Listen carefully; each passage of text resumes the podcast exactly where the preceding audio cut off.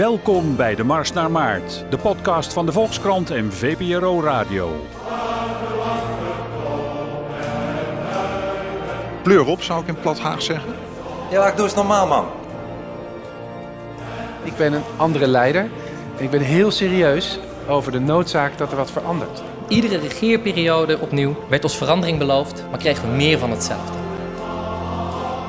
Het zijn allemaal uw plannen, niet die van het CDA. En ze liggen vast. We hebben die hele tuin op orde. En nou komen de tuinstoelen naar buiten en dan zegt buurman, nou ik ga wel zitten. Alles wat u wilt weten over de verkiezingscampagnes op weg naar 15 maart. Met Volkskrant-columniste Shaila Sitalsing en VPRO-presentator Chris Keijner.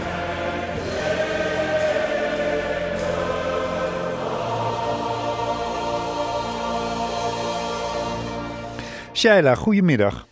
Hallo, goedemiddag. Het is uh, maandag 8 januari. De laatste keer dat wij elkaar spraken was het maandag 19 december. Uh, we hebben de kerst gehad, Ja, we hebben klopt, uh, de, de, de, de jaarwisseling. Een heel nieuw jaar. Nou ja, we zijn buitengewoon benieuwd wat het gaat brengen. Vooral op 15 maart voor ons. Ehm, wat is eigenlijk, wat is, wat is volgens jou het belangrijkste nieuws in de tussentijd geweest? Nou ja, het, het is kerstvakantie geweest, dus echt op het niveau van de partijpolitiek en de politieke campagnes is er niet zoveel gebeurd. Behoudens dat Sylvana Simons bij Denk is weggegaan. Maar goed, dat is Oh een ja. heel klein, eh, klein dingetje. Ja, Nou ja, is, dat- eh, dat- gedeserteerd. Ja, is dat een klein dingetje? Want Denk werd toch wel ingeschat op een paar zetels. Is dat veranderd daardoor, denk je?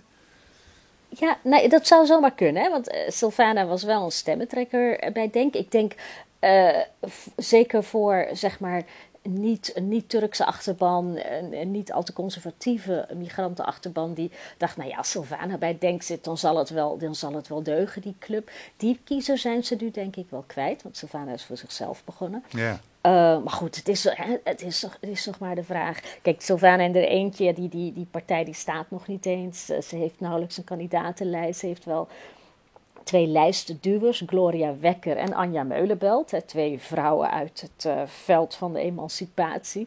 Dus ze probeert, eh, ze probeert een beetje te, wa- wat te doen. Ja, ik, ik, ik kan me niet voorstellen dat ze tussen nu en maart voldoende momentum haalt om daar nog iets, eh, iets echt mee te kunnen bereiken. En ja, Denk zelf is daarmee toch weer minder een partij voor iedereen geworden. Ja. Ook, ook omdat Savannah eh, heel veel kritiek had op Denken. Eh, ze ging niet zomaar weg, maar ook omdat ze vond dat Denk veel te veel aan zijn conservatieve achterban eh, tegemoet kwam. Ja. Op het gebied van homorechten, vrouwenrechten, dat soort dingen. Dus dat is wel een, een, een, een verandering voor Denk waarvan ik me afvraag of ze daar nog bovenop zullen komen. Ja. Maar goed, we zullen het zien. Ja, goed, maar dat... dat En ja, dat is, dat- ja. ja, dat is op het, op het terrein van de kleine, kleine partijpolitiek. Ja, het, eh, op het, op het eh, terrein van het grote nieuws was denk ik toch de aanslag in Berlijn. Is een nieuws met direct grote politieke gevolgen. Dat was op de avond dat wij elkaar de toch- vorige keer spraken, ja. Ja, was eh, vlak daarna ja, op de kerstmarkt in Berlijn. Hè, vrachtwagen die daarin is gereden op mensen die daar aan het winkelen waren. Ja. En dat, dat, is, dat appelleert natuurlijk aan zulke eh, grote vraagstukken eh, waar het afgelopen jaar alleen maar over is gegaan. Hè, de vluchtelingenstroom, wat dat doet met, eh, met de gemeenschappen hier in West-Europa. wat het politieke antwoord daarop moet zijn. Nou ja, waar Geert, Geert Wilders, Ja. denk ik, veel van zijn kiezers en zijn kiezerssympathie bij, bij Ja. haalt. Nou ja, een, een, een dag of twee, nee, ik geloof de dag nadat wij elkaar spraken kwam de nieuwe peilingwijzer uit. Hè. Dat is een, een soort middeling van alle peilingen die er gehouden wordt. Die wordt één keer in de maand bijgewerkt en daar baseren wij ons altijd op. Daarin eh, stond toen, eh, 20 december, de PVV op 31 tot 37 zetels. Ruim bovenaan, want Ja. de VVD die schommelt dan ergens halverwege de, de, de 20. Dat was een, een, een opvallende stijging, toch ook weer van de PVV. Dat kan nauwelijks, denk ik, met die aanslag te maken hebben gehad. Hè? Waar heeft dat wel mee te maken, denk je? Ja, dat is, is moeilijk te zeggen. Kijk, je hebt het proces tegen Wilders gehad, Hmm. wat ongetwijfeld eh, heeft geholpen bij de sympathie. Nou, je hebt dingen als die aanslag. Maar in zijn algemeenheid heeft de PVV gewoon wel echt de tijdgeest te pakken. hè. De, de, de, de, ja, toch de weerzin tegen eh, migratie, tegen eh, vluchtelingen, tegen de islam, tegen, nou ja, zo, zo, zo'n aanslag helpt tussen aanhalingstekens daar, daar wel bij. Uh, dat, het appelleert aan hele diepe angsten. En dat, dat zijn toch wel echt. Dat, daarvoor moet je bij de PVV zijn. Dus dat is beslist wel een, een, een, sentiment waar hij heel erg aan raakt.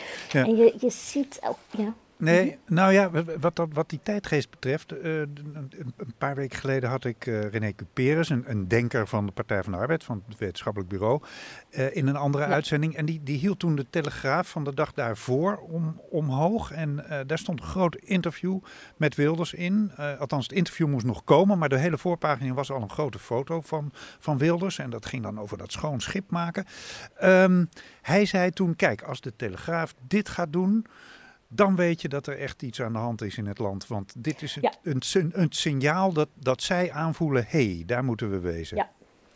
Ja, de Telegraaf weet precies uit welke hoek de wind waait. En de Telegraaf is inderdaad begonnen met Wilders steeds groot op de voorpagina te zetten. Ze hadden laatst, eh, toen hij zijn kandidatenlijst presenteerde, hadden ze met uh, de, de, de, twee vrouwen die hij op de twee en de drie heeft staan op zijn lijst, Fleur Agema en Vicky Maier, met Geert Angels. Dus hij wordt ook echt goed gepositioneerd. En de Telegraaf is al um, de hele tijd bezig met koppen als asielinvasie, asielplaag, asielhoppers. Ze zitten heel erg op het dossier van uh, de, de, de, de nep-asielzoeker. Dat zijn uh, uh, lieden uit met name Noord-Afrika, die niet per se recht op asiel hebben, maar toch uh, hier komen en Nou ja, uh, zich, zich moeilijk laten uitzetten. Wat ook echt een, een, een managementprobleem is geworden van de vluchtelingenopvang bijna.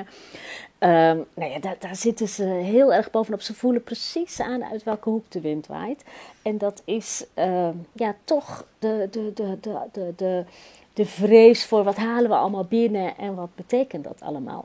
Ja. Nou ja, daar zit Geert Wilders bovenop. Ja. Is, dat, is dat dan ook de reden uh, dat, uh, want dat is toch wel opmerkelijk dat niet alleen de Partij van de Arbeid geen enkele bonus krijgt voor uh, het, het economische herstel, maar dat ook de Partij van de, ook de VVD daar geen voordeel bij, bij lijkt te hebben. Ik bedoel, speelt dat dan überhaupt geen rol meer?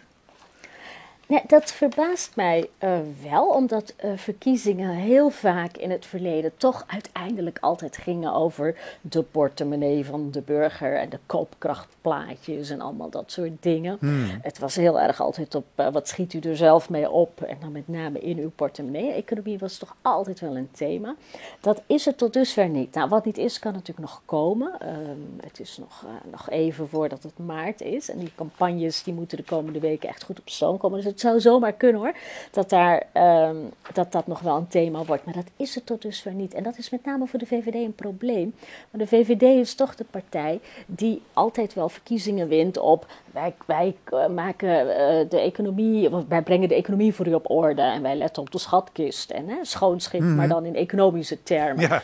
Dat is met name ook altijd uh, Rutte's unieke verkooppunt geweest. En dat is hij nu een beetje kwijt. Hij moet nu zit hij in die, in die veel taaiere en ingewikkeldere discussie over wat is een Nederlander en wat is onze identiteit en wat is dit land nog en wat maakt dit land en wat moeten we daarmee willen. Dus hij moet veel dieper gaan in, uh, veel dieper graven in, in, in, in, um, ja, in, in zijn intellect, zeg maar. En dat is voor Rutte best ingewikkeld. Ja. Ja, het zou natuurlijk ook kunnen dat dat economisch herstel uh, niet nog echt in de peilingen tot uitdrukking komt. Omdat ja, door nog altijd, als je de inkomensverdeling in Nederland bekijkt, zo'n beetje een derde van, van de bevolking uh, toch op een, op een uh, behoorlijk minimaal inkomensniveau zit. Uh, die merken eigenlijk nog helemaal niets van dat economisch herstel. Zo, is. Komt dat overeen met, met die cijfers voor bijvoorbeeld de PVV? Uh, dat is niet helemaal één op één te zeggen, want het zijn niet de economisch ontevredenen die naar de PVV gaan. Het zijn niet per se alleen maar hè, de, de, verliezers van de globalisering, zoals ze wel eens genoemd worden. Dat, dat is niet alleen, zijn niet alleen de mensen die naar de PVV gaan. Het zijn ook de ja, mensen die zich verontruste burgers noemen en die echt, nou ja, echt verontrust zijn over migratie. Die zitten daar ook heel erg tussen. Uh, wat betreft het economisch herstel, ja, dat moet deels natuurlijk nog indalen. Je ziet wel nu de werkeloosheid gaat nu heel rap uh, naar beneden. Mensen die uh, moeilijk aan een baan kwamen, die beginnen nu weer een baan te krijgen. Wat een puntje is, is wat de kwaliteit is van die banen. Het zijn mm. veel meer flexibele banen, het is veel minder zekerheid. Dus daar zit nog wel steeds heel veel onzekerheid. Hè? Ook al herstel die economie, er, zit ook, er blijft veel onzekerheid zitten in. Ja, maar heb ik mijn baan wel voor vast? En uh, heb ik nog wel genoeg uh, pensioen? En word ik niet over een jaar weer ontslagen omdat ik een tijdelijk contract heb? Dus, uh, dus dat herstel van die economie, dat verhaal is ook niet alleen maar Hosanna. Dat is ook, ook wel ingewikkeld te verkopen. Ja. Dus dat wordt ook nog wel een dingetje, denk ik. ja. Er was nog een ding, daar hebben we het vorige keer niet over gehad, had toen eigenlijk misschien gemoeten. Maar laten we dat dan nu maar even doen. Wat ook een rol zou kunnen spelen in, in ja, toch het, het verlies van de VVD ten opzichte van de PVV, is het, het hele Oekraïne-ding. Uh, de, de manier waarop de premier uiteindelijk uh, iets uit heeft onderhandeld in, in Europa, uh, waarmee hij zegt van ja, nou, nou doen we toch de nee-stem recht zonder dat we nee, gaan stemmen tegen dat verdrag. Dat raakt natuurlijk een beetje aan dat sentiment wat toch al bij de PVV zit van hebben we nog wel wat te zeggen in ons eigen land. Um, hoe, hoe, groot, hoe groot denk je dat de rol daarvan is en waarom heeft Rutte dit zo gedaan? Heeft hij, heeft hij dat electorale risico genomen uit, uit het landsbelang, zoals die, zoals die toch wel een beetje suggereert? Ja, nou ja, eh, Rutte is, is natuurlijk gewoon heel dom geweest in dat Oekraïne-referendum. Kijk, van meet af aan was het evident dat de regeringspartijen daar voor waren. En dat waren ze omdat dat in Brussel zo was afgesproken. En dat waren ze ook omdat ze er evidente voordelen in zagen. Uh, dat waren ze ook omdat ze uh, geopolitieke voordelen zagen. En Rutte heeft de MH17 moeten afhandelen. Dat heeft hij met ja. Rusland en Oekraïne moeten doen. Um, dat is een trauma, een trauma voor, voor, van dit afgelopen um, uh, kabinetsperiode, ja. regeringsperiode. Ja. ja, dit is gewoon een belangrijk groot dossier geweest. Heeft hem buitengewoon aangegrepen. Is hij heel veel, heeft hij zich persoonlijk voor ingezet. Um, dus er zat wel meer bij dat Oekraïne-verdrag uh, dan alleen maar dat het goed zou zijn voor de handel. Hè. Er zat wel heel veel achter, ook voor Rutte persoonlijk en ook voor het kabinet. Wat Rutte niet goed heeft gedaan, is dat hij dat nooit heeft willen uitspreken. Het was ook wel een beetje op advies van Buitenlandse Zaken. Want uh, de, de, de, de, ambtenaren daar die hadden allemaal zoiets van: ja, nee, het is niet verstandig als het kabinet heel erg campagne gaat voeren, want het kabinet is niet zo populair. Dus gaan mensen uit recalcitrantie dan gewoon juist nee stemmen. Dus je doet maar beter uh, een beetje negeren, een beetje doen alsof het vanzelf weggaat, een beetje downplayen en een beetje over de handel, maar verder geen grote woorden. Nou, dat uh, hoef je tegen Rutte niet twee keer te zeggen, maar die houdt niet van grote woorden. dus die heeft helemaal geen campagne gevoerd. Nee.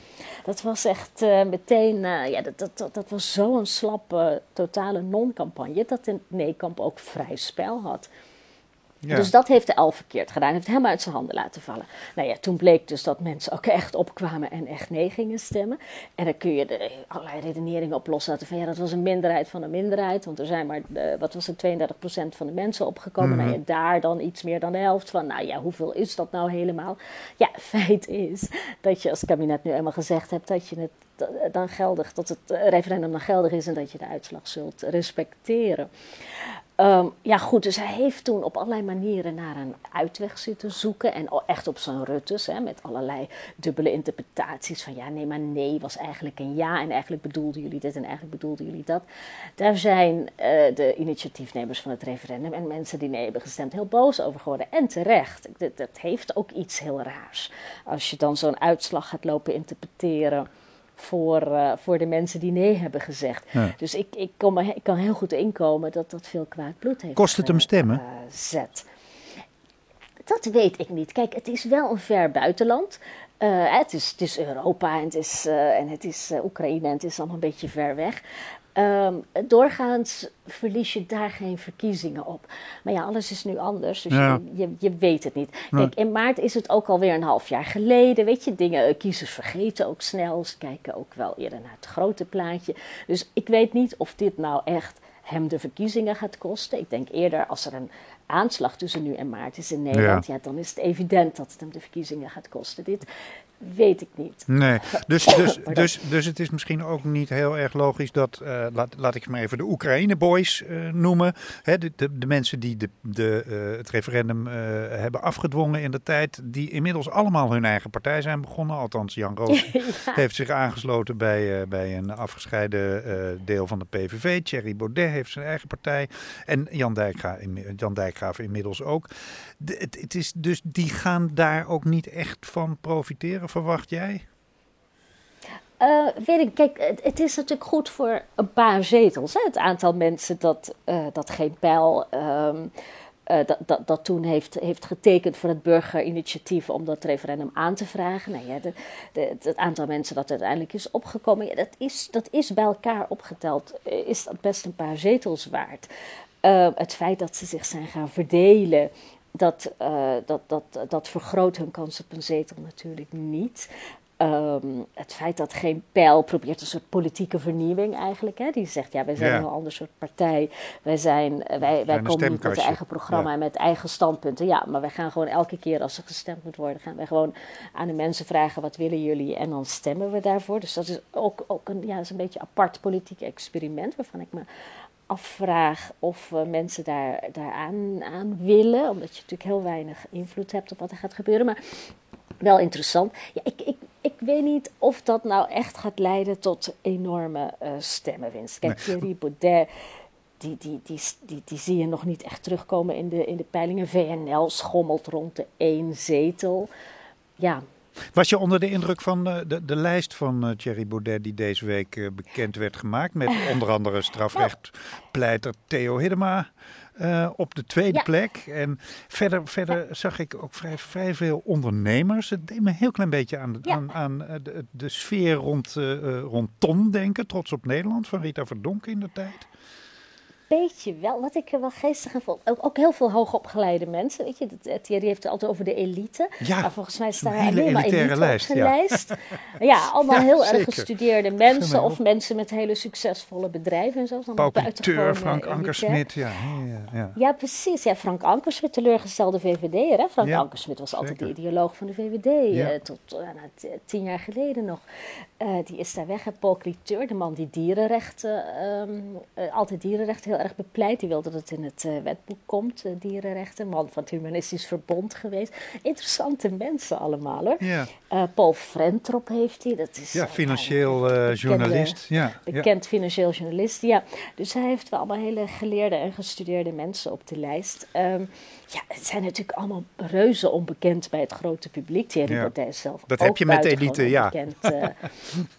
Dat heb je met de elite. Dus ik weet het niet. Ik vond het wel, wat ik er wel geestig aan vond, is. De, de PVV heeft altijd heel veel moeite om mensen van enige maatschappelijke statuur te vinden die op die lijst willen. Want dat heeft allerlei risico's. Maar Forum voor Democratie heeft veel minder. Het zijn allemaal mensen die hebben een maatschappelijke positie te verliezen. Ja. Maar die gaan wel uh, op die lijst staan. Dat vond ik wel interessant. Want dat lukt bij de PVV niet. Hè? Dat is, nee, uh, want de PVV-lijst is om daar ja, mensen te krijgen. Ook, ook bekend geworden van van de week. Maar dat is eigenlijk allemaal gewoon uh, oude, oude gezichten uit de partij zelf. Ja. De familie van ja, Geert, zullen we maar zeggen. Heeft, ja, eigenlijk wel. Wilders heeft maar heel weinig mensen. Hij heeft een getrouwe, die zitten dan in de fractie. Hij heeft echt uit alle hoeken en gaten heeft hij ja, PVV'ers gehaald. Mensen die hij kan vertrouwen. En die heeft hij op die lijst gezet. Het zijn allemaal inderdaad bekende PVV-gezichten. Nauwelijks vernieuwing, of eigenlijk niet.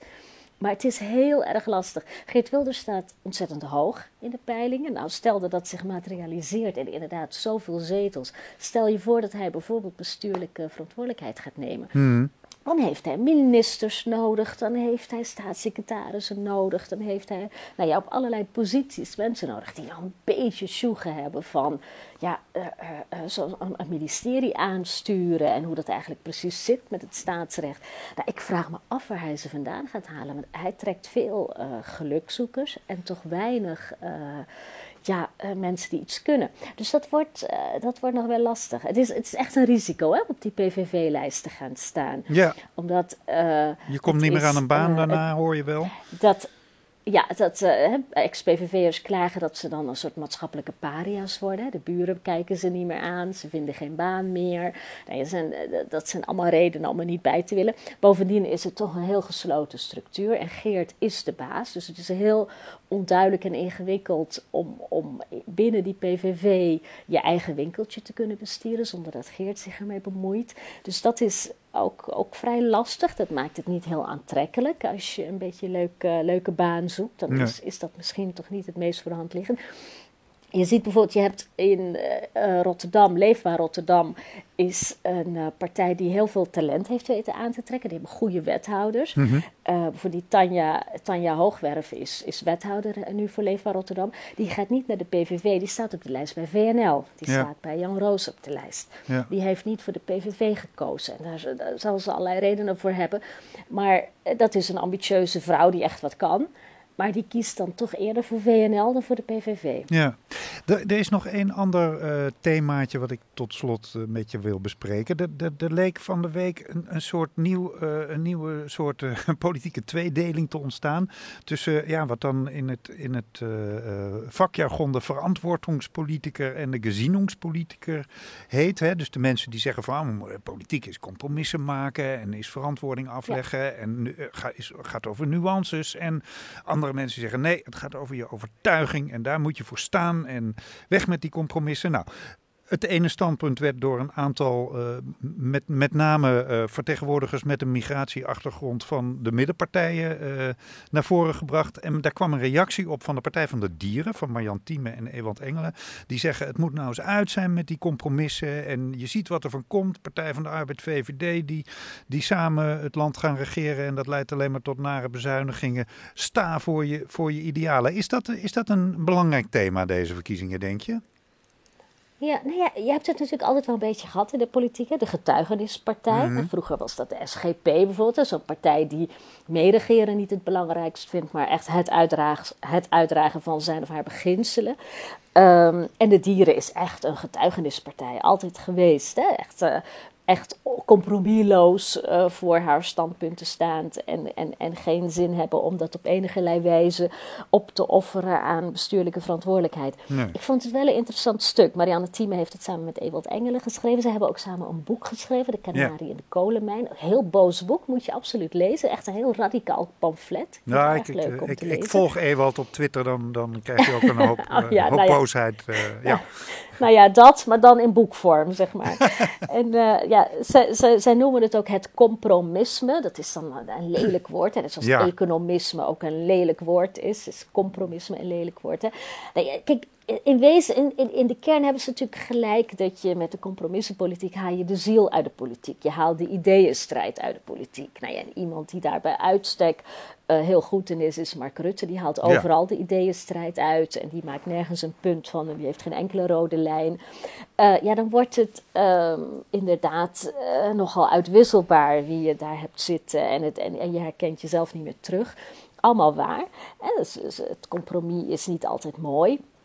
Uh, ja, tegelijkertijd is Nederland wel gebouwd op het compromis. Gebouwd op de polder, gebouwd op elke partij moet iets te zeggen kunnen hebben. Ieder zijn eigen kerkje, maar samen moet je eruit komen.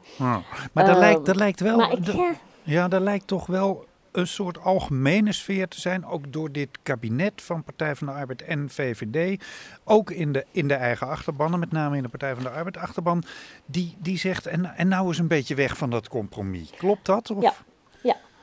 Ja, men is er wel een beetje klaar mee. Het is grappig, je hoort het ook bij de VVD. Tegenwoordig als VVD'ers ergens zijn uh, om in het openbaar over iets te praten, zeggen ze altijd, ja, het was een fout om met de PvdA zo snel te gaan regeren. PvdA'ers doen hetzelfde. Die, overal als je ze nu tegenkomt ergens te spreken, beginnen ze te zeggen met, ja, het was een fout om zo snel een regeerakkoord in elkaar te timmeren en zo snel uh, uit te ruilen. Nou ja, goed, dat hoort ook een beetje bij verkiezingstijd om je te gaan distancieren van wat je de afgelopen tijd hebt gedaan.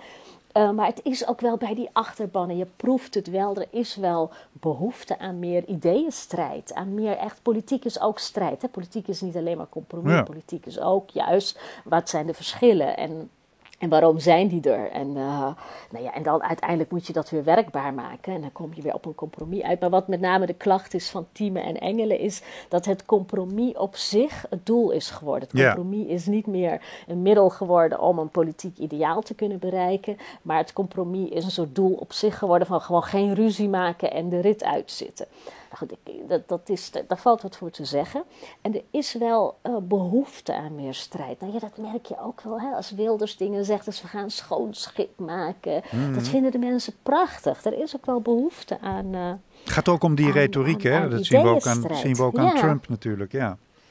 Ja, ja, ja. ja. Dus dat is wel een... Nee, dat, dat boort wel iets aan bij mensen. Dus dat zou zomaar kunnen dat het redelijke midden niet de grote winnaar wordt van de Nee. verkiezingen. En het zou dus ook zomaar kunnen dat eh, de, de campagne nog eh, eh, een stuk interessanter gaat worden. Dat gaat die ongetwijfeld worden de komende week. Oh ja. Gaan we volgen. Dankjewel, Sheila. Ja, jij ook bedankt. Tot snel. Hoi.